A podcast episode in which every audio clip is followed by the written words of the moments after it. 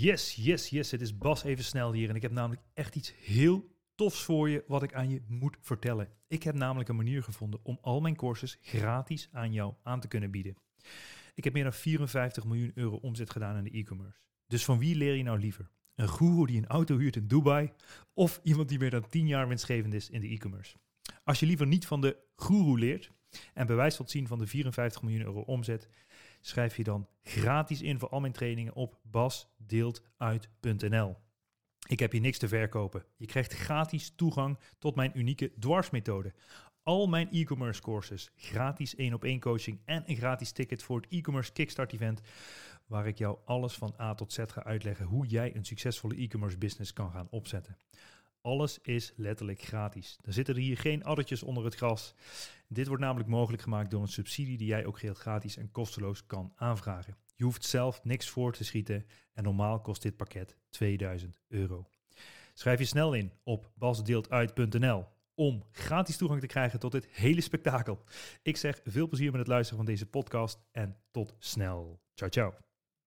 Dames en heren, vandaag in de Ondernemen op Slippers podcast, de one and only Paul Ramakers. Yes. En Paul is eigenaar van Smartbeat. Hij groeide op in het Limburgse landschap en had zeer ambitieuze ouders. Hij studeerde management, economie en recht en deed een master in de supply chain. Hij studeerde af bij General Electrics. Eh, hij kon daar blijven werken als high potential. Hij werd inkoper voor de Benelux met een budget van meer dan 40 miljoen. Daarna werd hij verantwoordelijk voor Europa, het Midden-Oosten en Afrika met een budget van meer dan 300 miljoen. Hij reisde echt de hele wereld rond voor zijn werk. Hij voelde zich helemaal het mannetje. Totdat hij een tumor kreeg op zijn scheenbeen.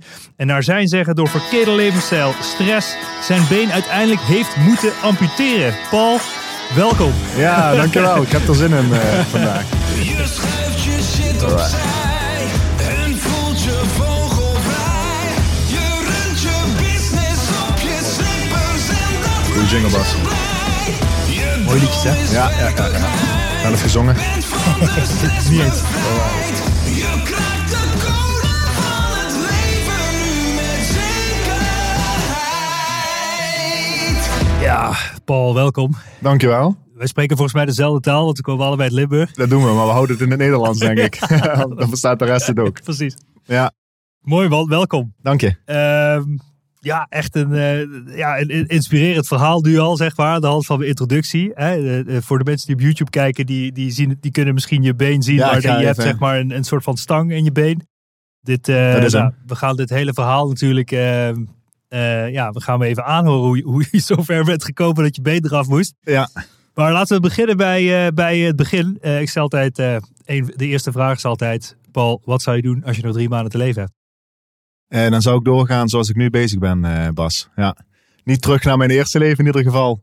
Maar nog zoveel mogelijk mensen bereiken, inspireren, motiveren om eh, eh, goed aan hun leefstijl te werken. Lekker te genieten van mijn eh, vriendin en van mijn, eh, van mijn kindjes. Mooi. Dat zou ik doen. Ja, Ja, mooi. Maar Ja. het is ik hoor al dat je het gewoon een hele ride op de, achter de rug hebt. absoluut. Dat je vooral hebt gezien hoe je het niet wilt. En daarna bent getransformeerd naar hoe je het wel wilt. Dus daar gaan we nu helemaal doorheen lopen. Ja. Echt mooi. Maar je groeide dus op in, in, in het Limburgse, eh, in de buurt van je volgens mij, van Ja. een klein dorp. Klopt, Einighausen. Het klinkt, eh, het klinkt Duits, Ja, maar het ligt nog in Nederland. Ehm eh, klein kerkdorpje bij Sittard eh, opgegroeid. Ik ben daar naartoe verhuisd toen we een jaar of vier waren. Basisschool gedaan. eh, uiteindelijk in Sittard eh, naar de middelbare school gegaan. Ehm, en naar het Midden-Limburgse afgereisd. eh omwille van de liefde. eh, daar blijven hangen. Ehm, en eh, ja, daar ook eh, eh, vanuit daar mijn opleiding eh, gaan doen. En uiteindelijk eh, gaan beginnen met werken. ja, ja, ja cool man. Ja. Cool. Want eh, eh, be- beginnen bij het begin. Je was de kleine Paul, maar je had wel, je had al, je, je, had, je zei zelf, ik had ambitieuze ouders.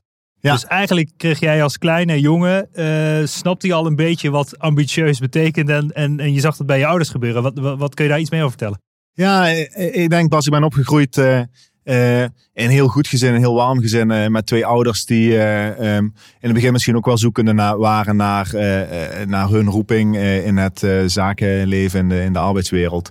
Ehm, maar dat wel aan het vinden waren, maar heel sterk, ehm, ze noemen dat die internal locus of control eh uitdroegen. Alles wat eh, jou gebeurt, wat op jouw pad komt, al je succes en je falen, kun je alleen maar toeschrijven op jezelf.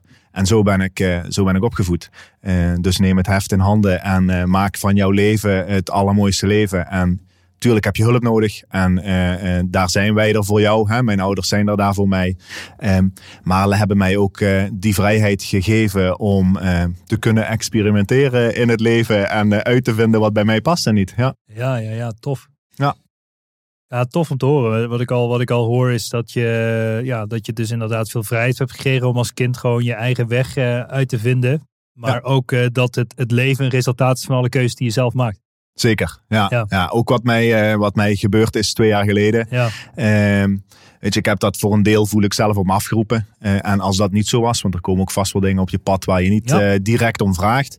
Heb jij altijd de keuze om daarop te reageren op een manier zoals je dat zelf wil. Ja. Eh, ik kan je verzekeren, als ik eh, in het revalidatiecentrum had gezeten eh, met het gevoel wie heeft mij dit aangedaan en wie gaat dit even voor mij oplossen, ja. had ik hier niet met jou gestaan Ja, ja, ja. vandaag. Nee, je bent redelijk positief en, je, en je, je lacht veel, zie ik. Absoluut, ja. Ja, geen dat is mooi om te zien. Maar laten we het vooral hebben over de keuzes die je daarvoor hebt gemaakt. Weet je, het begon allemaal met je bent gaan studeren. Eh, eh, management, economie en recht. Je Ja. had ambitieuze ouders, dus je had denk ik op dat moment ook een bepaalde ambitie. Ja. Eh, maar, maar vertel daar eens wat meer over hoe die fase eruit zag en, en hoe dat zich heeft ontplooid uiteindelijk. Ja, ik heb mij ingeschreven om bij deze opleiding in de richting van vastgoedmakelaardij om projectontwikkelaar te worden. Ehm, ik, eh, het zakenleven trok mij en eh, eh, met mijn beperkte mind op dat moment voelde die vastgoedwereld wel als de alfa-wereld waar ik, waar ik mijzelf in, in thuis voelde. Dus vastgoedmakelaardij gaan studeren. Ehm 2008, eh, toen hadden wij nog geen corona, maar wat probleempjes op de, op de financiële markt. Dus daar ging Ja. het niet zo goed, ook niet in het vastgoed. En al heel snel merkte ik van, ja, oké, mijn, mijn hart ligt niet bij het worden van een makelaar of, eh, of dat soort zaken. Dus ik wil, eh, ik wil verder. Bij eh, GE gaan, General Electric gaan afstuderen. Maar wacht even, je zei net tussendoor, tussen deze doorval over alfamannetje zeg maar. Je was blijkbaar wel bezig dat je iets wilde doen waarmee je bepaalde status bereikte. Ja. Dat was Ja. voor jou belangrijk toen. Ja, ja toen zeker. Ja, ik Ja. wilde wel, ik wilde verantwoordelijkheid. Ik, ik wilde succes. Ik, ik wilde belangrijk zijn. Eh, dat, daar was ik naar op zoek. En nu weet je ja. misschien anders, maar als je jezelf de vraag stelde toen, eh, als ik aan de, de kleine Paul de vraag stelde, waarom wil je dat? En aan de Paul die je nu bent, waarom wil je dat? Dat zijn waarschijnlijk twee verschillende antwoorden. Ja, ja, ja, ja.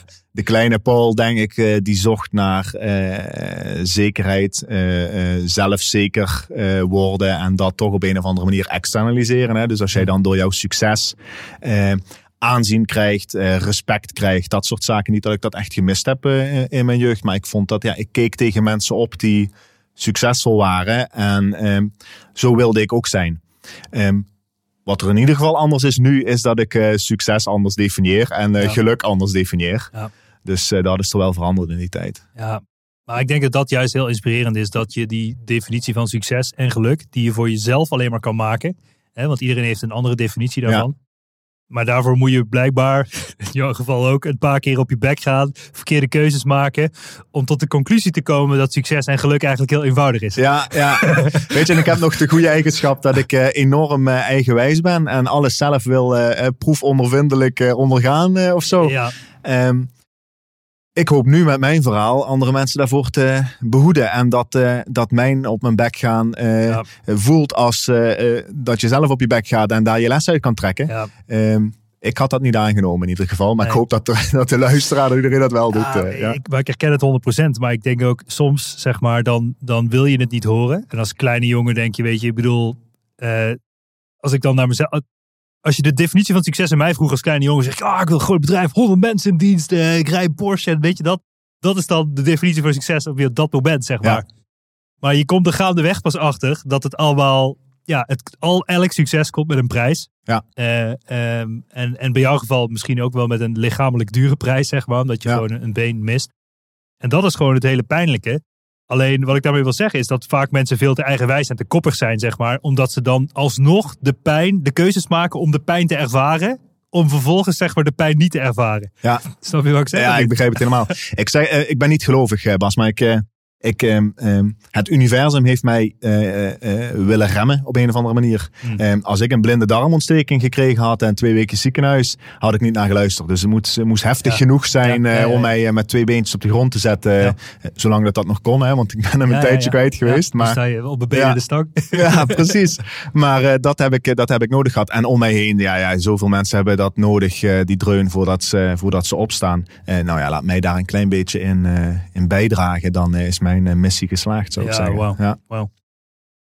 Maar goed, in die, in die kleine, de kleine Paul was bezig met het mannetje zijn en de status. En eh, eh, ja, waarschijnlijk keek je series, films of zo, waar allemaal alfa mannetjes in voorkwamen. Ja. Waar je als rolmodel naar keek. ja, En toen was je aan het studeren, management, economie en recht. Fietste je daar zo doorheen? En ook die master die je daarna hebt gedaan, was dat gewoon piece of cake? Of, of, of hoe moet ik het zien? Eh, ja, ja, ja, minimale inspanning, maximaal resultaat. Dat was het een beetje. eh, Ja. ja. Mijn, vooral mijn dingen eruit gehaald eh, die, ik, die ik belangrijk vond. Had ik overigens op de basisschool al. Zelf weet ik dat niet zo goed, maar mijn ouders die praten daar wel eens over. Ehm, het schoolsysteem en de dingen die we daar kregen, challenged ik eh, regelmatig. Maar ik pikte er alleen uit wat voor mij eh, interessant was. Mhm. En, ehm, en dat sloeg ik op en daar was ik heel eh, fanatiek in. En, eh, en al de rest.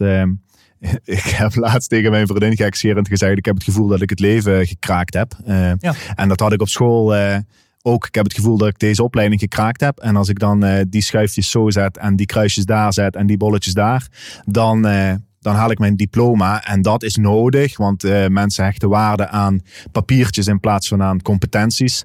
Om eh, te kunnen gaan doen wat ik wil gaan doen. Eh, dus zo, zo heb ik die aangevlogen. ja. Ja, ja, ja. ja. En, want als je erop terugkijkt, zou je dan hetzelfde pad volgen?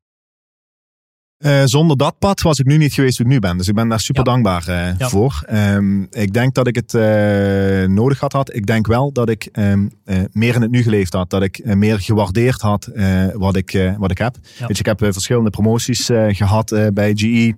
En daar werk je een jaar naartoe. En ehm, een week nadat ik de functie had, dacht ik oké. What's next? Ja, ja, en en dat, dat is een hele krachtige eigenschap ergens.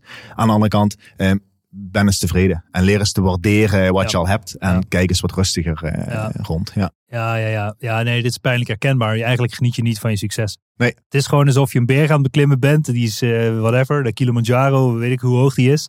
En je staat op de top en je kijkt eventjes drie seconden om je heen. En dan denk je, ja, zo, dat was het alweer. Dat is het. Ja, foto en door. Ja. ja, precies. En dan fotootje ook nog laten zien aan de buitenwereld. Hè? Van, Ja, kijk mij ja. eens even hier op de top staan. Ja, dat is. En het zelf niet interessant vinden. Maar als hij een beetje blurry is, is het ook niet erg. Maar je hebt in ieder geval die foto gemaakt. Ja. eh, Ja. eh, Dan that, been there. Ja. Had je het idee dat je dat hele ambitieuze pad bent gaan volgen uit een bepaalde angst of validatie? Eh, zelfvalidatie waarschijnlijk. Ja. ja. Ik wilde bewijzen aan mezelf dat ik het, eh, dat ik het allemaal aan kon. En eh, ja. Oh, Een soort test. Ja. Ja, ja, ja, precies.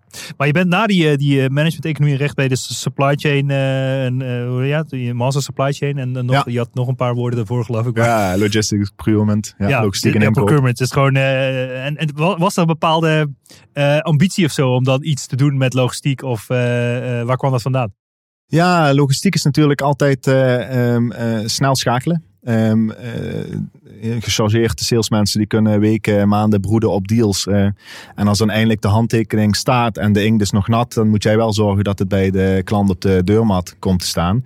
Ehm, het afvoerpo- afvoerputje, om het negatief uit te drukken. Ehm, en dat vond ik wel cool, want het is iedere keer. Eh, eh, ja, je moet heel flexibel zijn, toch binnen je eigen processen blijven. eh, zeker bij een Amerikaans bedrijf. Ehm, Ja. en het maar gewoon voor elkaar boksen. Weet je, als, als wij in het warehouse eh, een halve dag niet productief waren, dan, dan kregen onze klanten gewoon later of, of niet hun materiaal. Nou ja, als jij op een finance afdeling werkte of een marketingafdeling of dat soort zaken en je had dus een paar uurtjes een wat minder productiviteit, dan, ehm, dan kwam dat over het algemeen nog wel, eh, nog wel goed. En dat, dat trok mij wel aan de, aan de logistiek en aan de, aan de supply chain eh, kant. Ja. Nou ja, oké, dat is er heel veel van afhankelijk. Dat is wat je zegt.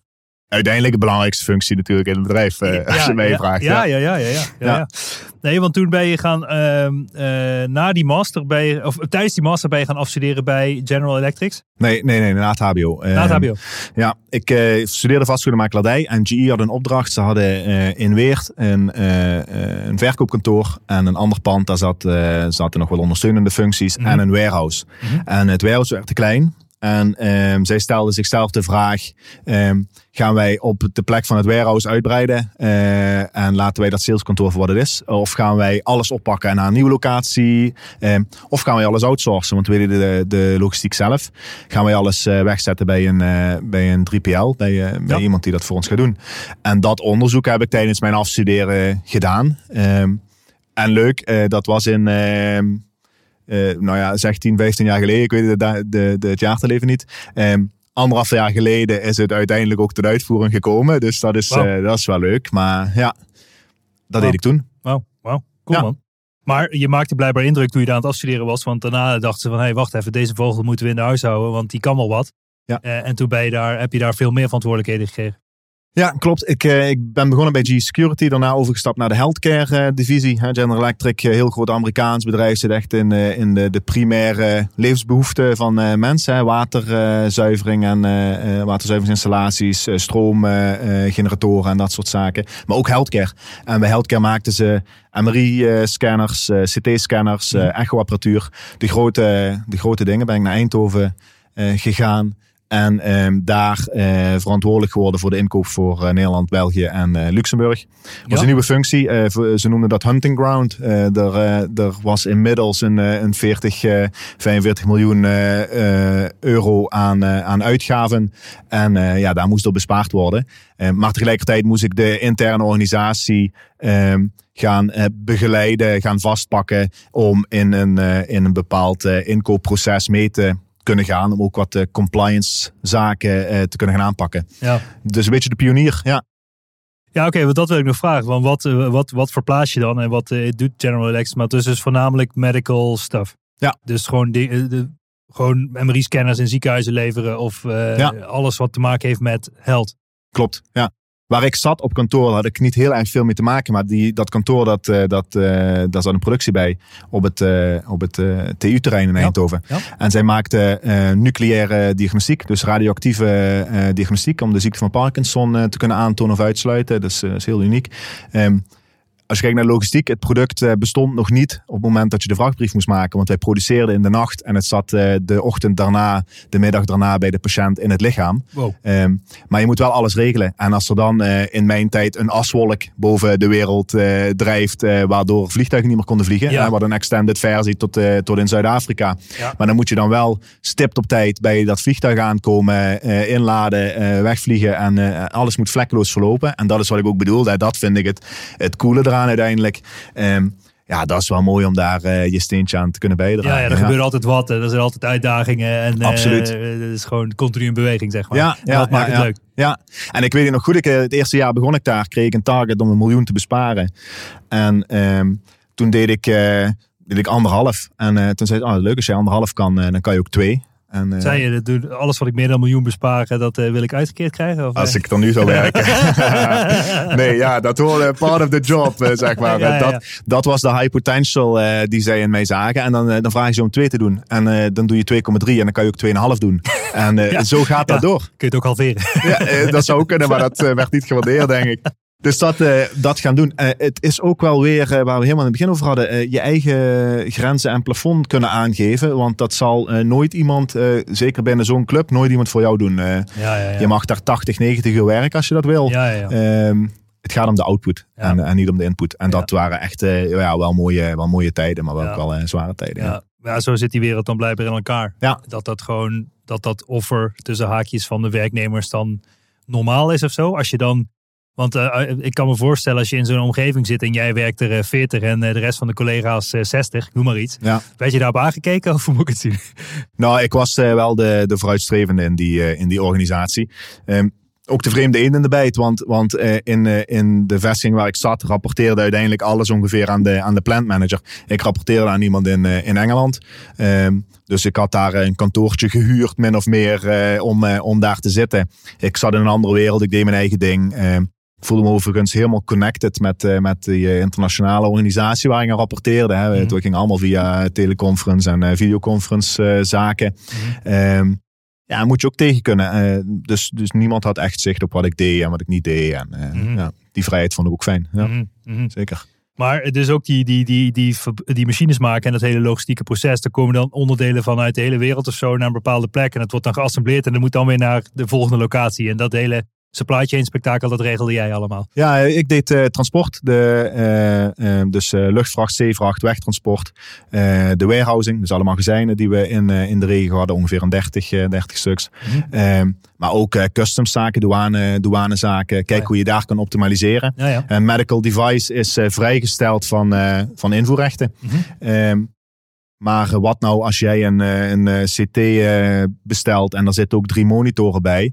En die monitoren die worden toevallig ehm, separaat verstuurd. Dan zijn ze niet meer te klassificeren als medical device. Zou je er recht over moeten betalen? Nou, hoe kunnen we dat slim doen? Zodat we het wel kunnen klassificeren als een medical device. En daar ja, weer op kunnen besparen. Weet je, dat was, dat was wat Ja. speelde.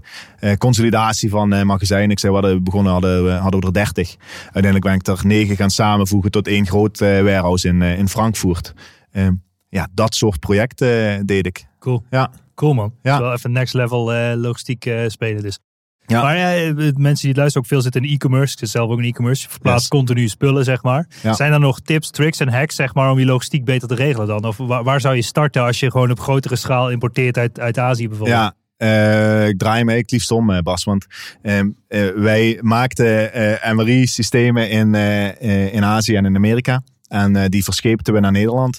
Ehm, gechargeerd, jij bent dokter en jij bestelt dat bij ons en je zet je handtekening erop. En ergens tussen de vier en zes maanden daarna staan er een aantal kratten bij jou eh, op de stoep. Ja. Ehm, ik heb heel vaak ook wel eh, redelijk gefrustreerd in de vergaderingen gezegd: als jij iets bij Amazon bestelt, dan betaal jij je 2,50 eh, via PayPal. Dan krijg jij iedere check die dat eh, eh, ding wat jij hebt besteld doorgaat, krijg jij een update van waar jouw ding nou is. Uh-huh. En je kan tot bijna op de minuut nauwkeurig aangeven wanneer dat bij jou op de stoep staat. Uh-huh. Ik zeg, wij verkopen iets wat enkele miljoenen kost. en wij kunnen de klant niet vertellen wanneer het er is. Eh, dus ik heb de e-commerce juist heel vaak gebruikt om, eh, eh, om aan verbetering te gaan werken Ja, ja. daar. Ja. Nou, ik bedoel meer of je nog tips en tricks had om, om misschien kosten te besparen om op eh, containers, de grote, grote luchtvachtzendingen, allemaal dat soort dingen. Ja. Kijk, in het begin eh, bijvoorbeeld, eh, om je een idee te geven, ik deed op een gegeven moment deed ik alles met DL, overvliegen, klein spul, ging snel en was betrouwbaar. Op een gegeven moment werden het containers. Nou ja, die containers, daar heb je echt zoveel verschillende aanbieders van die je daarmee helpen. Eh, de- ja, op een gegeven moment zie je ook dat bo- boom het bos niet meer. En op een gegeven moment ben ik platformen gaan gebruiken die dus zeg maar alle diensten aanbieden. Ja. Ja, er zit altijd een soort van opslag op, dus dan betaal je theoretisch ook wel altijd wel net iets te veel. Ja. Dus de ideale route, zeg maar, dat, dat was meer bij vraag van wat zou dan de ideale, wat volgens jou de ideale route zijn of de ideale aanpak als je op grotere schaal importeert uit Azië? Eh, ja, de famous eh, triangle denk ik. Tijd, kwaliteit en, eh, en geld. Ja, Eh, als je geen tijd hebt, dan moet je een express shipment eh, eh, door de lucht doen. Maar dat kost je heel veel. Ja. Als je op grote schaal inkoopt, eh, is eh, zeevracht nog altijd het allergoedkoopste eh, om te doen. Eh, bij een rederij eh, containers boeken is, eh, is eh, eh, too much. Maar daar zitten heel veel eh, eh, logistieke dienstverleners tussen die Dus- jou daarmee eh, mee kunnen helpen. Ja. Het mooie zou zijn, maar daar moet je ook schaal voor hebben. Als je een, eh, een club vindt, en die heb je misschien waar je het net over had, die met jou kan samenwerken en kan zeggen van oké, die drie pieces die pak ik eruit, want die gaan via luchtvracht omdat daar spoed zit. Daar ben ik, ben ik te laat of daar heb ik een andere afspraak mee gemaakt. De bulk komt gewoon via zeevracht binnen. Ja, ja, dat je daar de flexibiliteit hebt en één aanspreekpunt hebt. Mhm. Ehm, en, maar goed, wij hadden natuurlijk behoorlijk wat eh, in, de brok, in, de, in de pap te brokkelen. Ehm, DHL en, en eh, FedEx eh, die pasten hun dienstregelingen aan naar, naar onze behoeften eh, af Ja. en toe. ja, ja. Ehm, ik maakte hun ook verantwoordelijk voor mijn eigen besparingen. Oh, Dus dat is een mooie next level. Ja, air, to, air to ocean noemden we het. Als jij iets uit de lucht kan halen en het naar, naar zeevracht kan omzetten, bespaart je dat gigantisch veel geld. Ehm, en jij, DHL of wie dan ook, eh, ik maak jou daarvoor verantwoordelijk om dat, eh, om dat goed te regelen, want ik wil onderaan de streep wil ik per kilo, eh, mijn prijs per kilo moet omlaag. En, en doe dan maar voorstellen voor hoe we dat voor elkaar kunnen krijgen. Ja, ja, ja, mooi. Ja. Mooi. Cool, cool. Cool man. Zeker. Maar ja, dus op een gegeven moment, je had dan eerst Benelux verhaal. Daarna werd het Europa, Midden-Oosten, Afrika. Dus het ging van 40 miljoen naar meer dan 300 miljoen verantwoordelijk. Ja. ja, dat, dat, dat, ja, het spel werd eigenlijk gewoon steeds groter voor jou. Ja. En jij voelde je, nou ja, je geniet niet echt van je successen. Dus elke stap die je maakte, voelde je weer iets meer het mannetje. Ja. Eh, maar je genoot er nog niet heel veel van, even moet ik het zien. Nee, daar stond altijd wel iemand, eh, iemand boven mij. Want ik rapporteerde aan een global, eh, global man, 1,2 miljard was daar, ging daarin om. Ehm, Dat was de target of... nee, het was het budget. Ja, en dat kon ik ook. Dacht, weet je, als je het in Europa kan, dan kan je het ook, kan je het ook in Amerika. En Ja. die wereld ziet er, de, de Amerikaanse wereld is simpeler dan de Europese wereld. Hè? Want je hebt geen, geen grenzen en Ja. je hebt maar één, één currency en allemaal dat soort zaken. Dus dat zou ook wel kunnen. Dus daar, daar was ik me eigenlijk voor aan het, aan het klaarmaken. Maar het werd wel steeds mooier. Ik bedoel, eh, eh, we zaten een week in, eh, in Fort Myers bij, bij Miami in de buurt om meer dan 100 miljoen aan luchtvracht in één week te onderhandelen. Ja, daar zat je voor eh, 30 verantwoordelijken van, van DHL en, en, en consorten om, om die prijs maar omlaag te krijgen. Ja, Frank Apple zat daar, zat daar bij, CEO van, van DHL. Ja, dat zijn wel, zijn wel mannen. Maar ik, ergens voelde ik dat niet, want ik leefde in die wereld. En Ja. nu, nu ik daar buiten sta, is dat wel de, de gouden kooi of de gouden ketting geweest natuurlijk. Hè? Want ik ben echt eh, daarop gaan, eh, gaan drijven. Ja. Ehm, ja. Want je verdiende genoeg. Ja. Ehm, en het was gewoon een spelletje, natuurlijk. Ja, ja, en hoe ver ging dat onderhandelen trouwens? Moest je dan echt eh, uit eten helemaal dronken voeren en de dag daarna zei hij, ja, eh, vind je wel een leuke vent, eh, 10 cent eraf? Nee, keihard. Nee, keihard onderhandeling. Ik had, we hadden alle lanes, eh, duizenden lanes. eh, dus dat is van een bepaalde eh, destination naar een bepaalde, of van een bepaalde origin naar een bepaalde Ja. destination. En eh, die onderhandelden we ehm, tot op de cent per kilo. eh, ging dat eruit. Dus eh, dan konden we aangeven, ja, we gaan een miljoen kilo eh, doen van, eh van Waukesha naar eh, Parijs. Ehm, zeg maar. Ja. En ehm, eh, ja, dat ging heel, eh, heel leuk en heel energiek vaak. Ik ben wel iemand die er heel veel humor doorheen wil gooien en het vooral Precies. luchtig wil laten. Ja. Ehm, maar het was keihard. Eh, daar zijn ook mensen eruit gestapt. We hebben een jaar hebben we een stoplicht gehad staan, wat we dan konden bedienen. Ehm, en eh, dan kwam de vervoerder binnen en dan was het groen. En als de prijzen die ze teruggaven een beetje tegenvielen, dan werd het oranje. Zodra die op rood stond, dan eh, konden ze opstappen en, eh, en weggaan. Dat was de arrogantie die daar, die daar heerste in die, in die wereld. Ja, Maar, maar ja, het klinkt wel als een mooi spektakel in ieder Ja. geval. Maar dit is eigenlijk een hele poppenkast ook dan? Weet je, Ja, net zoals, ja, ja, ja, ja. ja, ja. Ja, die 25 man. En uiteindelijk was ik tegen een pricing leader aan het praten. En bemoeide iemand zich daar af en toe nog mee. En eh, ja, heel, in, heel, eh, heel veel interactie. En, eh, en je haalde daar je lijnen uit. En natuurlijk probeerde ik zo min mogelijk te gaan switchen. Want dat kost alleen maar implementatietijd. Dus als iemand al een lijn had gehad, dan wist hij hoe die werkte. En we hadden allemaal spe- speciale requirements. Ehm, dus ja, je, je plant het ook heel strategisch. Hè? Degene waar je nu mee werkt, die zet je redelijk achteraan in die onderhandeling. Zodat al die anderen die heel graag die business willen, daarop gaan bieden. Mhm. En, en dan uiteindelijk spreek je je huidige provider. En zeg je, ja, je bent eh, zeventiende en eh eh, er moet 30% vanaf. Wat kan je doen? En Ja. dan, ja, zo, Ja, zo ging je het spelletje aan. Ja. Cool, maar in, in- die tijd dat je dus in die, voor die supply chain werkt, heb je ook veel gereisd. Hoe, hoe zagen jouw eh, weken, maanden, jaren er ongeveer uit? En eh, was dat, was dat gekhuis? Of, eh, Ja. Ja, dat was gek. huis. Ja, ik was ja. wel overal en ergens. Er moest, ik had natuurlijk een organisatie waar ik af en toe mijn zicht moest laten zien. Ik moest vaak naar Amerika eh, toe voor eh, of voor trainingen of voor onderhandelingen of dat soort eh, dingen. Er zijn tijden dat ik twee, drie keer per week in een vliegtuig zat. Ehm, dat je in drie tijdzones in een week bent. Eh, eh, ja, nachten overslaan of eh, maar een beetje in een vliegtuig zitten te wachten eh, Ja. tot je weer ergens eh, bent. Ja, eh, slecht slapen, slecht eten. eh, want het is alleen maar hotel eten en dat is wel lekker, maar dat is niet per se gezond. Nee. Ehm, best veel verantwoordelijkheid, stress, druk. Ehm, altijd met zo'nzelfde groepje, eh, voornamelijk mannen, eh, die allemaal hetzelfde leven hebben. En ehm, ja, weinig ruimte voor eh, gevoel en emotie ook. Het is eh, op, de ratio, op de ratio besluiten nemen. In, in de interne organisatie, ook met ontslagrondes en allemaal dat soort dingen. Ik, ik zou het nou niet meer kunnen, eh, maar ook extern. Ehm, heel rationeel, heel fact-based eh, ehm, eh, bezig zijn. Ehm, en vooral niet te veel emotie tonen, want dan, dan kan je onderuit gehaald worden. Toen vond ik dat fijn. Nu eh, zou ik de wereld verschrikkelijk vinden, denk Mm. ik. Maar eh, ja, daar zat ik, eh, daar zat ik in. Ja. Maar je zat met die mannetjes dan aan tafel en daar deed je die business mee. En was het ook veel dan, ja, waar, gebeurde er ook het nodige feestjes en dat soort fratsen aan de andere kant van de wereld? Of moet ik het ja, hadden we wel. Viel wel mee. Het viel mee. Ik ben op heel veel plekken geweest in de wereld. Ik heb weinig gezien. Als ik het zo uit mijn hoofd. ik heb een keer een, een trip gehad. Toen was het wel een leuke. Toen had ik in New York een training. En dat was het op dat moment, was volgens mij in februari. Dat was het min 20. Eh, en eh, de week daarna had ik eh, onderhandeling in, in Fort Myers in Florida. En daar was het plus 25. Dus wat je dan in je koffer moest stoppen was wel lastig. Ja, ja. Nou ja, daar heb ik tijd gehad om, om wat te feesten en om, om wat, ook wat te zien. Ja. Dat heb ik in Dubai een keer gehad en in, en in Istanbul geloof ik. Praag misschien wat, heb ik wel wat leuke dingetjes gezien. Daar deden we de, de, het wegtransport altijd onderhandelen. onderhandelen. Ehm, maar verder is het eh, binnenvliegen, eh, Werk, kantoor, werken, slapen, hotel. werken, eten. Dat, ja. ja, en eh, weet je, het wordt altijd zo geromantiseerd. Maar ja, het is cool om de eerste keren op zaakreis te gaan. Is echt heel vet. Ehm, daarnaast sta je daar echt niet meer op te springen. Nee. En is het vooral heel vermoeiend. Ja. En ja, ook heel je bioritme gaat Ja, kan ik me naar de knoppen. Dus ja. Zeker ook als je op een gegeven moment een familie hebt, de kids en allemaal dat soort dingen. Dan Ja. is het al helemaal... eh, ja, ja. Want hoe eh, had je in die tijd eh, een relatie dan, dat je, toen je zoveel aan het reizen was en allemaal Ja. dat soort dingen? Ja, Ja. ik had een relatie. Ehm, ik had ook best wel een, eh, druk sociaal leven voordat ik bij, bij GE begon, begon met werken. Ja, dan ga je steeds meer reizen en eh, daar ga je steeds verder van afstaan. Maar ik had ook het gevoel, mensen begrijpen mij niet. Want, want ik zit in een wereld die redelijk uniek is. En, en ik kan wel vertellen over wat ik doe. Maar als ik dan op vrijdag een appje stuurde van... nou, ik moet morgen weer, weer op reis. Dan mag Paul weer op, eh, op eh, vakantie. Weet je wel, dat wordt er Mm. dan gezegd. Ja, dat Mm. voelt helemaal niet meer zo. Dus je raakt daar een beetje... eh, komt een beetje op afstand. Verder als je, als je een week weg bent geweest en je komt een keer thuis... en vrienden bellen van, ik ga je lekker mee uit eten...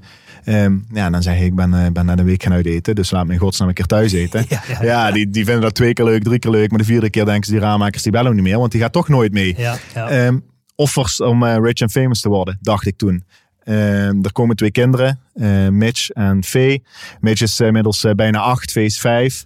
Ehm, heel mooi. Ehm, maar ik ging wel gewoon door met werken. En ik had ook een beetje het beeld van: ik, ik ga dit nog tien jaar doen. En dan zijn ze einde basisschoolleeftijd. En dan is er kennis nodig. En dan komen ze in de puberteit. En dan zijn er een aantal ehm, vaderlijke, ouderlijke gesprekken nodig met ze. Mhm. Dan ga ik heel bewust een tandje terug. En dan, ehm, en dan ben ik ervoor. Zo, laat mij nu nog even Mm. carrière maken. Want dat doe ik voor ons allemaal. En dan hebben we het goed straks. Weet je, dat was het, Mhm. dat was het idee. Dus ik was er amper. Ehm, nou goed, ook dat ging in de relatie niet goed. Dus dat, eh, dat eh, stopte.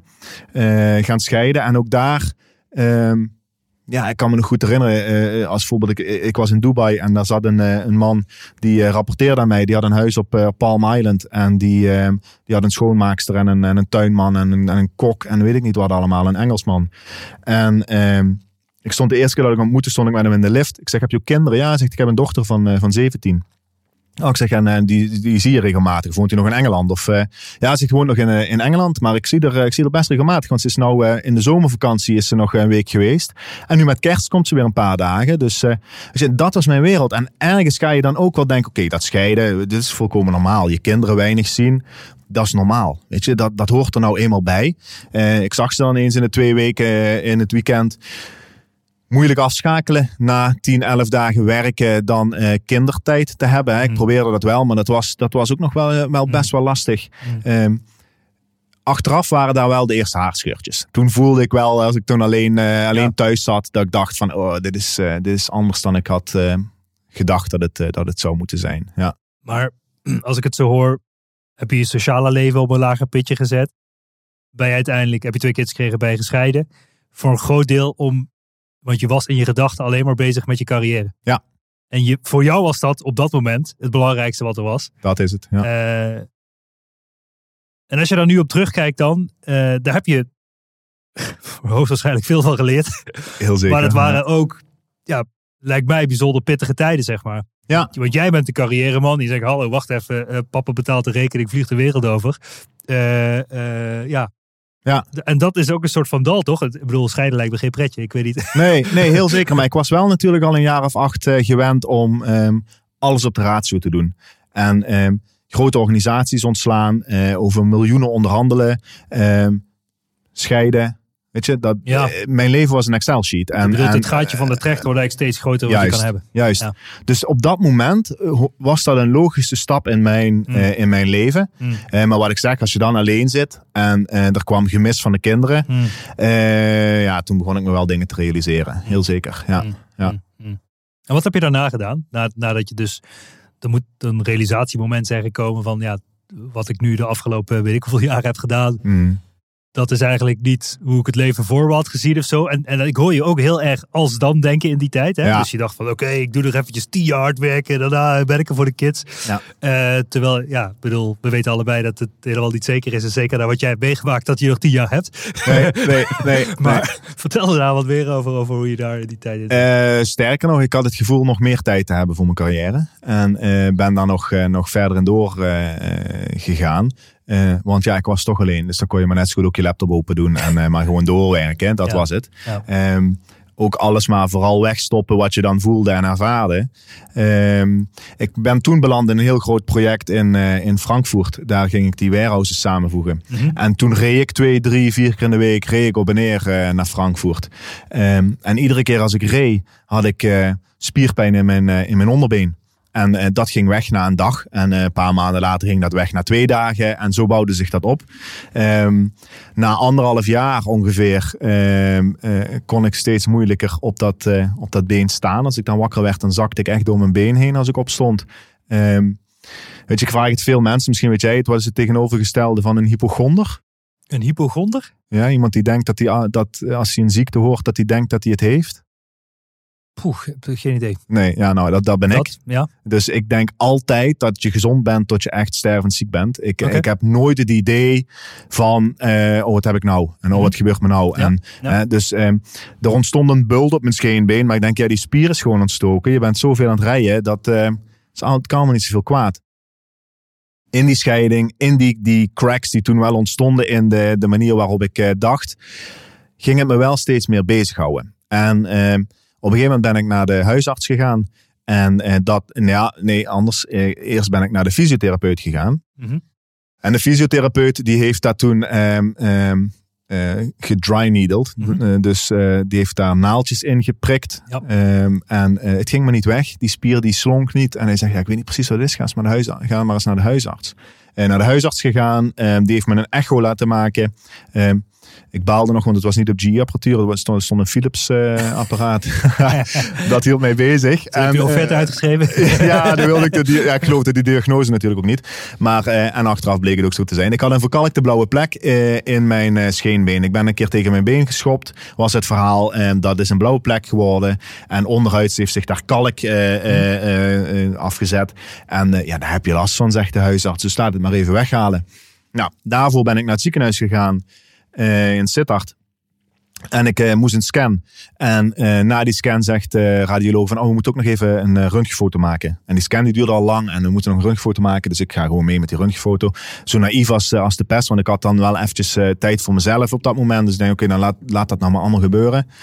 En na die, eh, die röntgenfoto zegt ze, hou je telefoon in de gaten, want ze gaan jou bellen voor de uitslag. Ik zeg, ja, ik heb over twee weken een afspraak. Ik hoor over twee weken wel wat er aan de hand is. En dan eh, maken we een behandelplan en dan gaan we die operatie doen en dan gaan we verder. Zo zat ik in elkaar, hè. Mhm. Ehm, dan hou je telefoon maar in de, in de gaten, want ze gaan jou bellen. En dat heeft zij vier keer moeten herhalen. eh, voor ik eh, snapte dat er wellicht iets niet goed zou zijn. Dus van, oh, ik zeg, het is niet goed soms. Hij zegt, ik mag daar niks over zeggen, maar eh, hou je telefoon maar in de gaten. Dat was vrijdagmiddag, kwart over vijf. Lekker liep ik, eh, ja, ja, echt heel erg ehm, slecht, zou ik bijna willen zeggen. Ja, ja, ja. En liep ik zo het ziekenhuis uit. Ik had de kinderen, dus ik probeerde daar een goed weekend van te maken. Ehm, en mijn gedachten gingen op en neer van, ah, die hebben zich vergist. Of ook wel een beetje, ja, wat voor die mensen super spannend is. eh, het zal voor mij wel meevallen. Dus het zal wel niks zijn. Tot, misschien ben ik er volgende week wel niet meer. Weet je wel. Dat ging af en toe Mhm. flitsen daar door mijn hoofd heen. Eh, de kinderen zet ik maandagmorgen op school af. En eh, op de basisschool ik ga naar mijn werk toe. En ehm, toen belde de arts. En die zegt, ah, meneer Ramakers, ik eh, hoor dat u aan het autorijden bent. Zet de auto even aan de kant. Want wij moeten een heel goed gesprek gaan hebben. Hm.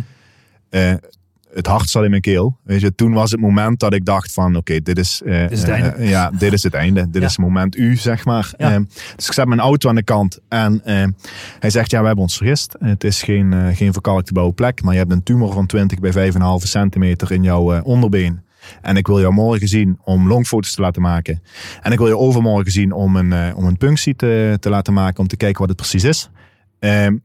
Na tien jaar gevoel weggestopt te hebben, eh, kwam daar een breekijzer achter die emotionele deur. En eh, alles is er in die week uitgekomen eh, toen. Ja, dat was echt. toen ik die uitslag kreeg, toen dacht ik: ik wil bij mijn kinderen zijn. Ik wil bij mijn vrienden zijn. Ik wil leuke dingen doen. Ik dacht niet aan, ik wil dat project afmaken. Ik wil die besparing realiseren. Ik wil, dus waar we het net even over hadden, geld, macht, status. Ehm, als je de dood in de ogen kijkt, stelt het allemaal heel niks meer voor. Zeker. Dus eh, ja, dat, dat was mijn eerste moment dat ik dacht van, eh, eh, ik ga het omgooien. Stom is dat dat ervoor moet gebeuren. Ja, helemaal waar. Ja, Dat je denkt van oké, had ik zelf niet op een andere manier tot het realisatiemoment kunnen komen. Ja. Dat is ook de reden misschien dat je het nu meer naar buiten brengt. Dat je Ja, hier absoluut. staat. En dat Ja. je denkt van oké guys, wake up. Verzamel niet zoveel mogelijk puntjes op je bankrekening. Ja. Maar verzamel die momenten en ben er voor je vrouw en je kinderen en je vrienden. En, en maak mooie dingen mee. Ja. Want dat is het enige wat om draait. Ja, dat is het. En ik heb daar een harde leerschool eh, in, in gehad. Eh, en dat vind ik doodzonde, inderdaad. Wat ik al zei, zonder dat leven was het niet geweest wat ik nu was. En eh, had mij een blinde darmontsteking gegeven en ik had er niet naar geluisterd en ik was gewoon doorgegaan. Ja. Maar ehm, ja, dat, eh, eh, eh, achteraf was dat wel, ja, dat is echt het moment van die, van die change geweest. Ik heb ook gelijk gerealiseerd van, mocht ik nog een kans van leven hebben, dan gaat het roer om. En dan begin ik aan mijn tweede leven. Ja. Aan het leven van het genieten. Ja, maak het verhaal af vanaf die, vanaf die autocall. Ja. Dat, dat je zei van ja, dit, dit is niet goed. Dit, Ja. en, en toen? De foto's van je long, de, de, de, de longfoto wilden ze maken om te kijken of er uitzaaiingen waren? Ja, Of? ja longfoto maakte om te kijken of er uitzaaiingen waren. Dag daarna de punctie. Mijn moeder was mee. Eh, ik eh, viel na die punctie flauw. Dat had ik ook nog nooit in mijn leven meegemaakt. Eh, ik kwam weer Wat bij. punctie en, is, dan nemen ze een stukje van de tumor uit je ja, been. ja, dus met een hele dikke naald gingen ze daar naar binnen. En ja, ik werd daarna slecht en, en oud. Ehm, het was een traject. Ik voelde ook direct de band eh, weer met mijn ouders. En, eh, en ik had gewoon eh, steun nodig. En dat was ook voor mij als alfa mannetje. mijn trots werd gekrenkt voor mijn gevoel. Mm. Ehm, maar ik voelde ook dat het goed was. Dat ik dat mocht doen op een of andere manier. Hmm. Ehm, ik zou een week daarna de uitslag krijgen, maar ik kon daar niet op wachten. Dus ik heb vrijdag gebeld naar, naar de chirurg. Ik zei, maakt niet uit eh, of die punctieresultaten niet binnen zijn. Maar eh, ik wil weten wat die longfoto heeft gedaan. En eh, dat, daar hebben ze naar gekeken. Ehm, heb daarvoor ook aangegeven, als ik nog, als mijn longen schoon zijn... ehm, al halen ze mijn been eraf, als ik maar, als ik maar kan doorleven. Nou ja, en zij zei, ehm, ja, je longen zijn schoon. En dat was voor mij een, een, een switch Een lichtpuntje aan het einde van de. Instant, ja, ja. Ik heb een week heel diep gezeten. En vanaf dat moment eh, was ik enorm opgelucht en blij en positief. En ehm, ja, toen, toen wist ik, ik eh, het wordt eh, van een levensbedreigend probleem, wordt het een praktisch probleem. En ik hou op zich wel van uitdagingen. Dus eh, als mijn been eraf moet, weet je, dan moet mijn been eraf.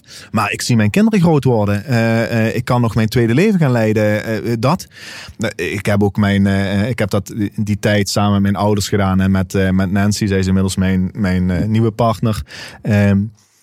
Ja, heel, heel intense week hebben we hebben gehad en daar, eh, daar heel veel over gesproken. Ik ben ook naar mijn kinderen gegaan eh, eh, toen. Die waren bij hun moeder. Ik zeg, pap heeft kanker. En Mitch was vijf. Phase 3. Ik heb erover getwijfeld of ik het zou zeggen. Ik Ja. heb het daar met, met mijn ex over gehad. En ehm, zij zegt ook, ehm, weet je, op het moment dat, dat je met volwassenen bij elkaar zit en het woord kanker valt en de kinderen zijn aan het spelen en ze horen dat, die weten meer dan dat wij denken. En ehm, eh, eerlijkheid duurt het langst. Blijf nou maar gewoon eerlijk. Mm. Dus ik ben er naartoe gegaan. Ik heb dat gezegd. En Mitch was vijf. En die zegt, eh, oh papa, ehm, heb je dat alleen in je been of, eh, of in je hele lijf? Want ik heb ook gehoord, het kan in je hele lijf zitten. Ik zeg, nou ja, het zit alleen op mijn been. Dan zegt hij, oh, dan ga je niet dood. En eh, weet je, die Oh, kindergedachte, man. gedachte, maar dat steunde mij enorm. Ja, ik want ik dacht. Ja. oké, hier hou ik Ja. mij aan vast. Het zit alleen in mijn been. En we doen. gaan dat oplossen. Weet je dat. Ehm, nog even naar eh, Groningen geweest voor een second opinion. Mijn, eh, mijn chirurg, hele fijne man, had daar zijn kooschappen gedaan. En die kende daar nog mensen. En zegt, daar moet je toch eens gaan kijken. Een speciaal soort chemo. Ja.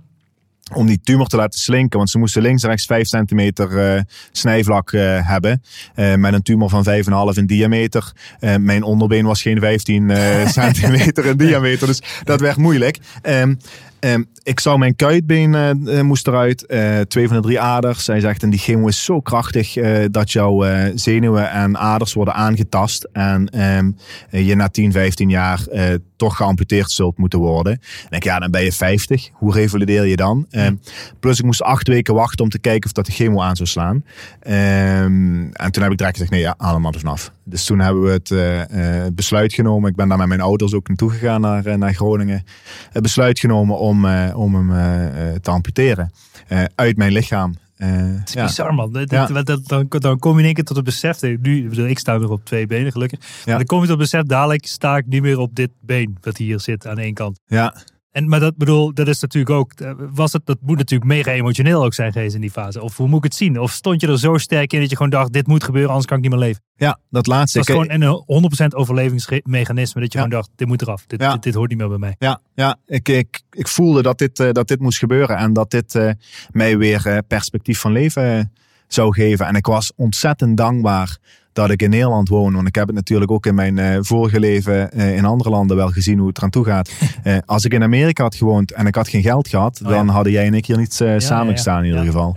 ja. Dus daar, waarom kan ik daar, hoezo zou ik daar verdrietig om kunnen zijn? En, en natuurlijk, het was een, een soort rouwproces of zo. Ik had nog twee weken de tijd, ehm, eh, want ik belde mijn chirurg op de terugweg vanuit Groningen. Ik zeg, we gaan het amputeren. Dan is het, dan is het oké, dan gaan we dit inplannen. En toen heeft hij dat op 19 februari 2019 eh, gepland. Eh, iets meer dan twee jaar geleden nu. Ehm, en ik had nog twee weken, dus ik ben eh, met mijn oude vrienden nog, nog gaan karten. Ik dacht, ik ben, ik ben YouTube-filmpjes gaan kijken van wat kan je nou met een prothese. hè? Ja. En ik dacht, oh, karten is misschien wel moeilijk, dus ik ga nog een keer karten. Oh ja. Ehm, eh, niet dat ik zo'n vervent karter was of zo, maar dat hebben we nog gedaan. Ehm, ik, ik heb een afdruk laten maken van mijn voet. drie. Eentje waar ik op mijn hak sta. Eh, eentje gewoon midstand en eentje op mijn tenen. Uh-huh. Ehm, als symbool voor eh, het omarmen van, eh, van verandering. Eh, als jij gaat veranderen, dan ga je met je hak in het zand. En dan wil je het allemaal niet. Ehm, je komt op je midstand terecht. Er komt balans. Je gaat om je heen kijken. Je gaat, je gaat ehm, afwegingen maken. Je gaat iets rationeler, iets feitelijker dan naar kijken. En misschien ben jij al bereid op je tenen te gaan staan en naar het nieuwe leven te springen. Mm. Dus die hebben we nog heel snel gemaakt met hulp van een hele hoop lieve mensen. Ja, ehm, ik heb de avond van tevoren nog eh, met mijn kinderen afscheid genomen. En Mitch die zegt nog, eh, papa, ehm, hoe weten ze nou welk been dat, eh, dat ze eraf moeten halen? ik zeg, ja, daar moet ik zelf een kruis op zetten waarschijnlijk. En hij pakt een stift voor zichzelf en voor zijn zusje. En ze hebben mijn been nog versierd samen. We Ja. hebben nog foto's gemaakt samen met mijn been erop. Ja, ehm, heel intens, heel eh, emotioneel, heel waardevol. Eh, de kinderen staan lachend op die foto. Maar ehm, dat betekende echt wat voor mij. Dat geloof ik. Eh, ja, ik ben, ik, ik, ik ben steeds eh, ehm, spiritueler eh, aan het worden. eh, en ik, eh, ja, weet je, wij wassen allemaal, zeker in deze tijd, eh 20 keer, 30 keer per dag onze handen. We kijken heel regelmatig in de spiegel hoe dat we eruit zien. Maar die voeten en die benen die ons overal naartoe brengen en die het zwaar te verduren hebben, Ja. Ehm, daar hebben eigenlijk maar heel weinig waardering voor. En daar even de waardering voor uitspreken, ik vond dat wel een heel mooi iets eigenlijk. Ja. Wauw. Ja. Jeetje man. En dan, maar dan ga je dus daadwerkelijk de, de, de, ja, de operatietafel op, zeg maar. Ja. En dat zal een paar uurtjes duren? Of, eh, Eh, ja, ehm, het record staat op 25 minuten. Nee joh. Maar het heeft bij mij anderhalf uur geduurd. Ik ga naar de, naar de anesthesist van tevoren. eh, en ehm, eigenlijk wil ik een, een ehm, plaatselijke verdoving. Want ik zeg, op het moment dat ik, dat ik bijkom uit een volledige narcose. En ik, ik weet niet meer wat Ja. er gebeurd is. En ik ben mijn been kwijt. Ik denk, dan zou ik me helemaal kapot schrikken. Ja, ja, ja. Nou, die anesthesist heeft mij overtuigd dat dat niet humaan was. Als ik eh, plaatselijk eh, verdoving zou krijgen. Ehm, dus dat heb ik ook maar aangenomen in die, eh, in die fase. Ehm, ja, en dan kom je in het ziekenhuis. En dan moet je, het was s s'morgens heel vroeg, geloof half negen werd ik geopereerd. Dus ik, ik ehm, lig op die voorbereidingskamer. En de, de zuster die brengt het infuus in. En ik ben grapjes tegen haar aan het maken. En we zijn aan het, van alles en nog wat aan het praten. Ik heb die operatie. En na de operatie komen twee zusters van de, van de afdeling me halen. En ze zeggen van ja, de chirurg had nog telefoontje gekregen van de, van de vrouw op de voorbereidingszuster op de voorbereidingskamer. Want ehm, meneer Ramakers was heel positief en opgewekt. En ehm, volgens haar begreep meneer Ramakers niet helemaal wat er ging gebeuren, want, eh, want dat kon niet. Hij had kanker en zijn been eh, werd geamputeerd en hij, hij lag lachend eh, in zijn bed. Eh, of ze dan eh, psychologische hulp wilde inschakelen voor mij. Mhm. Eh, dus ik begin weer heel hard te lachen. En ik zeg, weet je, ik, eh, de chirurg had toen dat ook al gezegd. Maar ik zei, ik weet hartstikke goed wat er aan de hand is. Ehm, maar ik heb gewoon, eh, ik, ik kan leven. Weet je, ik, ik, ik Ja. ben vrij. Eh, achteraf, hè, eh, Bas, ehm, ehm, die wereld waar ik in heb gezeten, ik vergelijk het nu wel eens met een criminele organisatie. Hè. Eh, je wil er af en toe uitstappen. Maffia. Maar in maffia, ja, maar het kan niet meer. Ja. Weet je, je zit Ja. daar zo diep in, ook voor jezelf. De gouden kooi, de gouden ketting, hoe je het ook wil noemen. Ehm, dit was mijn escape. Dus ik was, ik was zo vrij en zo bevrijd en van een tumor en van van alles en nog wat. Eh, ik kon alleen maar heel positief zijn. Vier uurtjes later liep ik achter een looprekje of eh, hinkelde ik achter een looprekje. En was ik oefening aan doen om, om weer mobiel te worden. Ik heb wat vlogjes opgenomen vanuit het ziekenhuisbed over hoe ik me voelde en wat er allemaal gebeurd was. En ja, ik was eh, gewoon super positief eh, in die tijd. En dat, eh, ja, dat, eh, dat ben ik eigenlijk tot op de dag van vandaag eh, gebleven. Ik kijk iedere morgen het raam en ik, eh, ik geniet dat ik deze dag weer mag meemaken. Dus dat is, eh, dat is wat er gebeurt. Ja. Ja. Dus op het moment dat er dan iets in je lichaam is, dan denk je, holy shit, ik heb niet het eeuwige leven. Dan, dan leer je, dan heb je, dan heb je nu geleerd om veel meer te genieten van de dingen die er wel zijn. Ja. En niet alleen maar met eh, de paardenkleppen op, eh, eh, je blind staren op een grote getalletje op een, op een virtuele account. ja, dat is het. Wat Ja. uiteindelijk ook heel niks betekent. Nee, ja, maar dat is het helemaal. Ja. Ik ben voor, tijdens de revalidatie in een, in een topsporttraject terechtgekomen in de paracycling. En daarnaast wilde ik mensen bereiken. Mensen inspireren, motiveren. Ik ben eh, weer naar Dubai gevlogen eh, en eh, ben daar voor 75 executives gaan mijn verhaal gaan doen. Ehm, ja, zo'n mooie reacties. Ja. En, en het raakte de mensen ook daar wel. En daar dacht ik van ja, dat wil ik, dat wil ik vaker. Ik ben Ja. voor high potentials gaan spreken. Ehm, van jongens, heb, heb echt ambitie en, en, en drive en ga ervoor. Maar ehm, vergeet niet onderweg om je heen te kijken. Ja. En vergeet niet te waarderen. En vergeet ook niet op het moment dat er iemand naast je zou zitten, eh, om die ook wat aandacht te geven. En, eh, eh, maar, maar heb wel succes als je dat graag wil hebben. Ja, ja, ja. Dat, eh, ja, en dat, eh, dat vond, ik, eh, vond ik heel mooi om te doen. Uiteindelijk eh, verder getrokken, twee, eh, twee start-ups eh, begonnen. Eh, ook om mensen ehm, ja, een stukje geluk en een stukje leefstijlverandering kunnen, te kunnen laten doormaken. Om ze hopelijk een beetje te behoeden voor eh, de harde les die ik, eh, die ik geleerd heb. Twee, Ja. twee starters begonnen die, welke zijn dat? Eh, dat is I Am Vital en dat is Smartbeat. Ja. En eh, ja, Smartbeat zien we hier, zien we Ja. hierachter. Ja, vertel wat meer daarover. Want ik, ik heb, dat kan ik natuurlijk ook wel vertellen. Maar Ja. een tijd geleden hadden wij contact en zijn we via via in contact gekomen. En ja, toen, kwam, toen zag ik wat je deed op Smartbeat. En ja, ik dacht, je moet een of ander kastje op je lichaam plakken. En dan word je 72 uur gemeten. En daarna komt dan een heel rapport uit van ja, eh, je herstelt en je stress en weet ik het allemaal voor een eh, dingen. Ja, En toen was het interessant. Ik zeg, ja, de, laat, stuur dat kastje alles maar op voordat je de podcast komt. Dan kan ik een beetje ervaren wat het is. Ja. ja, eh, de weet ik zelf veel bij. Je plakt twee stickertjes op je lichaam en je gooit een kastje erop. Ja. Daarna komt de interessante data natuurlijk eruit rollen. En Absoluut. ik heb, heb een afspraak staan om daar een, een coaching eh, gesprek over te doen met, met een van jouw collega's. Ja. Maar vertel even waarom je dit begonnen bent. Want ik vond het echt super interessant. Ehm, er zit altijd bij iedereen een soort van stemmetje in je hoofd van ja, ik leef ik wel gezond genoeg en eh, ben ik wel. En, en je wilt dat een soort van valideren. Mhm. En naar mijn idee is dan zo'n lifestyle assessment eh, wel ideaal. Ondanks dat ik denk dat ik best wel, bedoel, ik sport regelmatig, ik eet wel oké en allemaal dat soort fratsen. Ja. Maar toch zit er altijd wel een soort van kleine angst in je hoofd. Hè? Eh, Dat heb jij bepaald, blijkbaar totaal niet. Maar voor veel mensen zit een bepaalde angst in het hoofd van ben ik wel gezond? En, en dat wil je het liefst tastbaar maken van ja, klopt dat ja of nee? Ja, zeker. Ja, ik, ehm, ik ben in die wereld en ze noemen die, eh, dat noemen ze vitaliteit. En daar krijg ik best wel allergie van eh, inmiddels, want eh, daar wordt een hele hoop onder geschaard. En ik vind dat, ik vind dat lastig. Ehm, welzijn, leefstijl. In die wereld ben ik gerold. En ik, ik zag om mij heen, ook natuurlijk wel vanuit mijn verleden, misschien nog wel versterkt, ehm, dat ik in een ehm, mega subjectieve wereld terecht eh, gekomen was. Ehm, verzin een woord, eh, zet er coach achter en het eh, bestaat wel.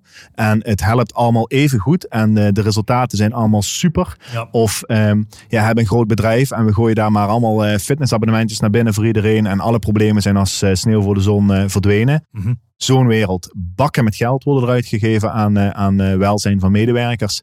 Ehm, maar hoe, hoe effectief en hoe resultaatgericht eh, zijn die dan daadwerkelijk? Hè? Ehm, op een goed moment werd ik het gezicht voor, eh, voor een vitaliteitsprogramma. En ik was het gezicht van Veerkracht. En daar ben ik met Mark eh, in aanraking gekomen. En Mark studeerde Personal Leadership, Innovation and Change. En voor zijn Master Innovation heeft hij onderzoek gedaan naar het objectief kunnen maken van ehm, leefpatronen, van leefstijl. En wat dan daar mogelijk de impact zou zijn op, jou, op jouw gezondheid Ja. Terechtgekomen bij een Fins eh, producent eh, eh, die zich bezighoudt met de R&D en productie van een ECG-wearable. Dus eh, dat maakt een elektrocardiogram. Ja. Ehm, en die wearable die meet hartritmevariabiliteit, hartslag, ademhaling, beweging en eh, maximale zuurstofopname. En zij hebben algoritme geschreven om dat te kunnen vertalen in leesbare eh, rapporten. Ehm, en eigenlijk vertelt dat iets over de activiteit van jouw sympathicus en jouw parasympathicus. Hè, stress is, eh, is iets heel goeds. Eh, Stress stelt jou in staat om, om je prestatie te kunnen leveren. Ehm, ehm, maar als jij te lang stress hebt of als jij niet goed kunt herstellen, dan, dan wordt het een probleem. Dan komt ook condi- conditie om de hoek kijken. Hè? Dus de maximale zuurstofopname, de VO2 max, die, gaat, die geeft aan eh, of jij conditioneel fit bent of niet fit bent. En we weten allemaal dat als jij een fysieke inspanning doet, dat je daar een paar uur of een paar minuten of, voor moet herstellen. Eh, datzelfde geldt voor mentale inspanning, alleen voelen we dat steeds minder. Hè? Waar we dat in de topsport ehm, overtraind noemen, noemen we dat in het, eh, in het zakenleven burn-out. Alleen zit het een in je hoofd en het andere zit in je Achillespees. Maar uiteindelijk is dat precies hetzelfde. Ehm, en die wearable die maakt, dat, die maakt het inzichtelijk. Die laat ook zien wanneer jij aan inspanning doet en wat dan je trainingseffect is en je intensiteit is. Ehm, en eh, het laat niet alleen de kwantiteit zien, dus hoeveel uur stress heb jij op een dag, maar ook de kwaliteit. En de kwaliteit van jouw herstel en de kwaliteit van jouw slaap. Ehm, en dat berekent hij aan de hand van die hartritmevariabiliteit. Hoe hoger de hartritmevariabiliteit, hoe meer jij aan het herstellen bent. Ehm, en per definitie, bij een lage hartslag heb jij een hoge variabiliteit. Bij een hoge hartslag heb jij een lage variabiliteit. En ehm, al die vijf die, die, ehm, die, eh, die componenten, die gooit hij in de mix. Ze hebben daar de, de algoritme hebben ze daarvan verkocht aan eh, Garmin. Dus eh, ook wel een serieuze, serieuze club. Ehm, ja, en, en daar komt dat rapport uit eh, dat de urgentie gaat eh, blootleggen en jou laat zien van eh, hoe, hoe jouw leefstijlkeuzes invloed hebben op, jouw eh, op jouw welzijn. Ehm, de enige manier om dat objectief inzichtelijk te kunnen maken en enorm, enorm waardevol, Ja. eh, als je mij vraagt. Ja. Ja. er zijn natuurlijk steeds meer wearables in de markt. Ja. Eh, de, de, de Fitbits, activity trackers, eh, ringen die ook vergelijkbare dingen meten. Ja. Leg even het verschil uit tussen, tussen jouw Smart Beat wearable en, en die wearables die in de markt zijn. Ja, Ehm wearables die in de markt zijn, die berekenen een hele hoop. Eh, daar zitten een hele hoop aannames aan. Ehm, die maken ook heel vaak maar een, een momentopname. Hè? Dus in de rapportage zie je dan dat jouw gemiddelde hartslag X was tijdens je slaap of, of noem maar op. Ehm, daarnaast, het allerbelangrijkste onderscheid is eh, de nauwkeurigheid. Ehm, als jij heel goed herstelt, dan heb je 56 milliseconden of meer variatie. Hè, om een simpel voorbeeld, je hebt 60 slagen per minuut. En jouw horloge laat 60 zien, omdat we dat begrijpen. Maar het, maar het zou eigenlijk 1000 milliseconden moeten zeggen. Ehm, maar dan moet jij iedere seconde naar je horloge kijken om te kijken wat er gebeurt. Ja, ja. Eh, maar dat is de ene keer 975 en de andere keer 1030. En dat varieert. Nou, en vanaf 56 milliseconden variatie tussen twee hartslagen zeggen wij dat je ehm, in diepe, goede, kwalitatief goede slaap bent. Ehm, wij meten op 1000 hertz en het kan per milliseconde afwijking registreert de wearable.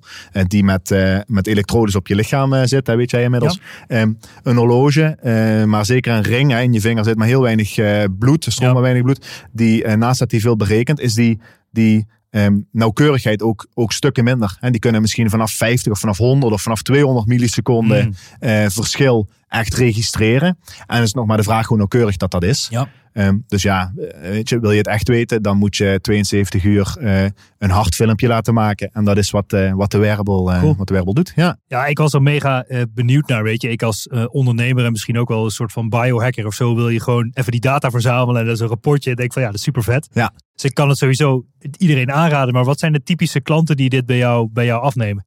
Eh, eh, drie typen. We hebben eh, gewoon de particulier, die, die al dan niet goed bezig is. eh, die of net een klap heeft gehad en wil kijken hoe erg dat die is en hoe dat die aan verbetering kan werken. Dus naast de meting bieden we ook hele interventieprogramma's aan hè, om daadwerkelijk aan die leefstijl te kunnen gaan werken. Eh, ik vergelijk het altijd mee als jij op de weegschaal gaat staan en je weegt 110 kilo en eh, je doet drie maanden niks en je gaat dan weer op de weegschaal staan, weeg je waarschijnlijk nog steeds 110 kilo. Eh, dus dat is met die meting van ons precies hetzelfde. Dan ga je nu meten en je doet vervolgens niks, dan ga je weer meten, zal het resultaat niet heel veel anders zijn. Eh, maar onze interventieprogramma's zorgen er dan voor dat jij ook daadwerkelijk aan leefstijlverbetering gaat werken samen met ons. Sommigen zijn daar goed in om dat, dat wat vrijer te doen, om dat alleen te doen. Anderen moeten we echt bij de hand eh, nemen. Eh, particulieren, ehm, met name het, eh, het MKB en grootzakelijk heel interessant. Zeker rondom stress, burn-out, ja? dat soort zaken. En de topsport. Ja. De topsport meet een hele hoop. De topsport weet ook een hele hoop van, van hun, hun spelers of atleten. Ja. Ehm, in training. Maar wat doen zij nou in hun leefstijl en ehm, eh, eh, wat voor effect heeft dat? En een mooi voorbeeld, de schaatsploeg, nationale schaatsploeg heeft, eh, heeft gemeten. En ehm oude rot in het vak, die ligt om acht uur s s'avonds voor de wedstrijd in bed en die slaapt. Ehm, iemand anders leest een boek en de twee jonkies die zitten nog op de bank ehm, te Netflixen of, of een spelletje te spelen of social media. En hebben alle vier het gevoel dat ze zich aan het voorbereiden zijn, aan het ontspannen zijn, aan het herstellen zijn van de training om zo fit mogelijk aan de wedstrijd eh, deel te nemen. Maar wie is nou het effectiefst? En ik denk dat we daar allemaal wel een gevoel bij hebben. Maar ik had dat graag onderbouwd. En eh, eh, zo zetten we het ook weg bij, eh, bij topsport. Wauw. bij Ja, je maakt het heel concreet en heel meetbaar en heel ja, praktisch te lezen voor, Ja. voor iedereen eigenlijk. Ja. Zo kun je topsporters helpen, maar ook als je zegt van oké, laat ik je personeels meten. En ik kan, eigenlijk kan jij aan de hand van die hartslag zien wie er tegen de burn-out aan zit. Absoluut. En allemaal dat soort fratsen, zeg maar. En dan ga je naar een werkgever toe, zeg je nou, gemiddelde score van je personeel is nu 60 en het gaat naar 80. En allemaal dat soort dingen, daar, daar heb je dan trajecten voor. Ja, ja precies. Ja, je ziet, eh, als bedrijf word je ook afgezet tegen de benchmark. Ja. Eh, ehm, eh, er zijn meer distributeurs ter wereld en er zijn meer dan, meer dan een miljoen mensen inmiddels ehm, ehm, gemeten. Meten. Ja. En jij ziet jouw onderneming wordt afgezet tegen een onderneming in dezelfde industrie. Van dezelfde vergelijkbare grootte, met dezelfde eh leeftijdssamenstelling als je dat wil. Ja. de benchmark. En dan kan je, kan je zien hoe dat jij presteert. Er zit een mooie trendlijn bij. Dus als we het vanaf twee metingen kunnen we ook laten zien wat jouw trend is. En inderdaad wat je zegt, eh, ik word heel graag afgerekend op een stijgende trendlijn. Eh, want dat is effectief, dat is eh, doeltreffend en daadkrachtig. Ja. En ehm, ja, eh, hou het vooral niet te subjectief als je het mij vraagt. Ja, ja, Eh, ja. maar reken mij gewoon af op de, op de leefstijlverbetering die we ook daadwerkelijk doorvoeren. Want ja, je, je ondernemer wordt, of je medewerker wordt productiever. Je hebt minder uitval. Ehm, ja, dat, dat werkt gewoon. Ja. Cool, cool. Ja. Ja, ik, ik gun iedereen dit rapport, eh, Paul. Eh, le- letterlijk. Want ik denk niet, en, en het is niet om een, om een commercieel praatje te doen voor jou, maar ik geloof erin dat iedereen moet weten waar die staat. Met zijn levensstijl en hoe die ervoor staat, zeg maar. Ja. Dus wij hadden bedacht om iets speciaals te doen voor de, voor de luisteraars. Eh, we hebben ondernemer, ondernemer op slippers.nl slash smart gemaakt. Om een, eh, om een bijzonder aanbod eh, voor de luisteraar in elkaar te draaien. Dus mensen kunnen daar een naam, e-mailadres invullen en krijgen dan een eh, mooi offer. En jij mag nu vertellen wat dat offer precies is. Ja, diegene die naar eh, ondernemen op slippers.nl slash smart gaat, die ehm, kan 72 uur ehm, meten. Die krijgt daarna een, eh, een 45 tot een uur eh, eh, coachingsgesprek over de eerste stappen voor leefstijlverbetering. En ik wil dat jouw luisteraars, onze luisteraars, graag aanbieden voor, voor 199 euro om daar eens aan te proeven. Ja. Dus ondernemen op slippers.nl slash eh, smart. Ja. Eh, daar gaat het allemaal gebeuren. Ja. Cool. En, en vertel ook even wat de korting is of wat, wat, wat het voordeel is. Want de mensen denken van, oh ja, wat, wat, wat, Ja. eh, wat krijg ik nou eigenlijk? Ja, normaal, eh, normaal verkopen we hem voor, eh, voor 249 eh, euro. Dus daar zit 50 euro eh, korting. Ehm, als jij eh, ehm, graag een 0 en een 1 meting wil doen, want één meting is interessant, maar twee metingen is nog veel interessanter, dan kost dat normaal gesproken 399 euro. Ja. En ik wil bij deze afspreken dat we, die daar, dat we daar ook 50 euro afhalen eh, en eh, daar 349 van, eh, van maken om, eh, ja, om veel meer mensen te kunnen bereiken eh, aan, aan leefstijl te kunnen Cool, gaan cool. werken. Ja. En buiten die coaching krijgen ze ook een mooi rapport dus. Wat ik, eh, ja, ik heb hem Zeker. net binnen. Ik moet hem nog even goed bekijken. Maar Ja. eh, het is ook mega interessant. Wat, wat ik dus in mijn data ook zag. Ik had dan, want eh, je, volgens mij is het dat goed als je twee werkdagen doet en één weekenddag, zeg maar. En ik, ik had erop, ik drink normaal helemaal nooit of niet veel, maar ik had wel op vrijdag had ik een paar, ik had zo'n flesje bubbels uit de kelder getrokken die ik in Portugal had gekocht. Ja. Daar had ik een paar glaasjes opgetrokken. Maar als je ziet in de data direct al wat dat doet, zeg maar, met je slaap en je, en je stress, en je onrustigheid en allemaal dat soort dingen. Ja. Ja, ik vond het, eh, en ook je herstelfactor is dus een stuk minder en allemaal dat soort dingen. Ja, ik vond het echt, Ja, ik vind het fascinerend om te zien. ja. Eh, ja, en het is ook niet te manipuleren, hè, Bas. Want als Nee, ik jou een vragenlijstje had gestuurd Ja. en ik had gevraagd hoeveel units alcohol per dag drink je, dan had je misschien 0 tot 2 aangekruist. Juist. En eh, ik heb gezien dat je er 6 hebt gehad nou. Dus eh, Ja. eh, zo in detail kunnen we niet zien. Maar je nee, kan echt, je, je, je, wat je zegt, je herstelt slechter. Je Ja. slaapt slecht eh, die nacht. eh, ja, dat is zo. Ja. Ja, dus, dus wil je wat doen aan je levensstijl en eh, nou ja, wil je niet, eh, zoals Paul, met het geamputeerd been eindigen in van de stress, Yes. ga dan ondernemen op slippers.nl slash smart. Ja. Dat lijkt me de, de smart eh, decision. ja, heel leuk. Smart decision. Daar zijn we helemaal klaar voor. Ja, lachen man. Ik ben sowieso benieuwd. Daar, ja, ik, ik, dus zou ik zeggen, ik denk ook altijd aardig wat ondernemers luisteren die dit ook, net zoals ik, vet interessant vinden om die data te zien, te verzamelen en te kijken van hey, hoe, hoe staat mijn leven ervoor. Maar het kan ook zijn dat er mensen zijn die misschien wat zwaarder zijn en die denken ik wil echt aan mijn levensstijl werken en het meetbaar Ja. Ja. Ik vind het een toffe missie dat je hiermee aan de slag bent. En eh, ja, ik vind het tof dat je ja, sowieso hier je verhaal eh, hebt gedaan. Dankjewel. Ja, ik vond het leuk om het te vertellen, eh, Bas. Ja man, we zijn al bijna een uur bezig. Maar dit- dit- dit- heb ik iets niet gevraagd wat ik had moeten vragen? Wil je nog iets erin gooien? Ik ja. denk dat het een heel, een heel compleet plaatje was. Ik vond het heel leuk om, om in gesprek te zijn. Eh, om wat over mezelf te vertellen. En eh, wat over Smallbeat te kunnen, te kunnen vertellen. Cool. Dus eh, nee, ja, heel leuk. Dankjewel. Ja, ik zou zeggen, get the word out. Begin je eigen podcast, YouTube-kanalen, dat soort dingen. Yes. Om zoveel mogelijk mensen te helpen aan een gezonde levensstijl. ieder Ja, ja, gaan we doen. Blijf ons volgen. We zijn op LinkedIn het actiefst. Daar kan je Top. mezelf, Paul Raamakers, vinden. Maar ook Smallbeat. eh, om nog wat meer te weten te komen. Super. Nice. Super man. Leuk. Dankjewel Paul. Dankjewel. En ja, tot snel. Tot snel. Doei doei. Bedankt voor het luisteren naar de Ondernemen op Slippers podcast. Check voor meer informatie ondernemenopslippers.nl. Tot de volgende keer. Ja, dat was eh, Paul Raamakers helemaal uit het Limburgs hierheen gekrast om een mooie opname te maken. En niet voor niets, want eh, hij gaat mensen helpen aan een betere levensstijl. Eh, ja, ga naar ondernemen op slippers.nl slash smart. En daarin kun jij een unieke korting claimen voor een eh, smart beat meting om jouw levensstijl eens even in kaart te brengen. En eh, ik vond het in ieder geval super mooi en ook een super inspirerend verhaal. Eh, Paul, dankjewel nogmaals. En tot de volgende keer allemaal. Ciao, ciao. Dankjewel. Dit was toch een onwijs gave episode. Laten we eerlijk zijn. Ik vind het onwijs tof. Mocht je nou waarde vinden in deze episodes, check dan ook eventjes mijn LinkedIn, Bas Eurlings. En geef mij gewoon even een persoonlijk berichtje wat je van deze podcast vindt. Nogmaals, ik kan alles gratis aan jou geven. Wil je leren in de e-commerce? Gratis in op één coaching. Gratis e-commerce kickstart event.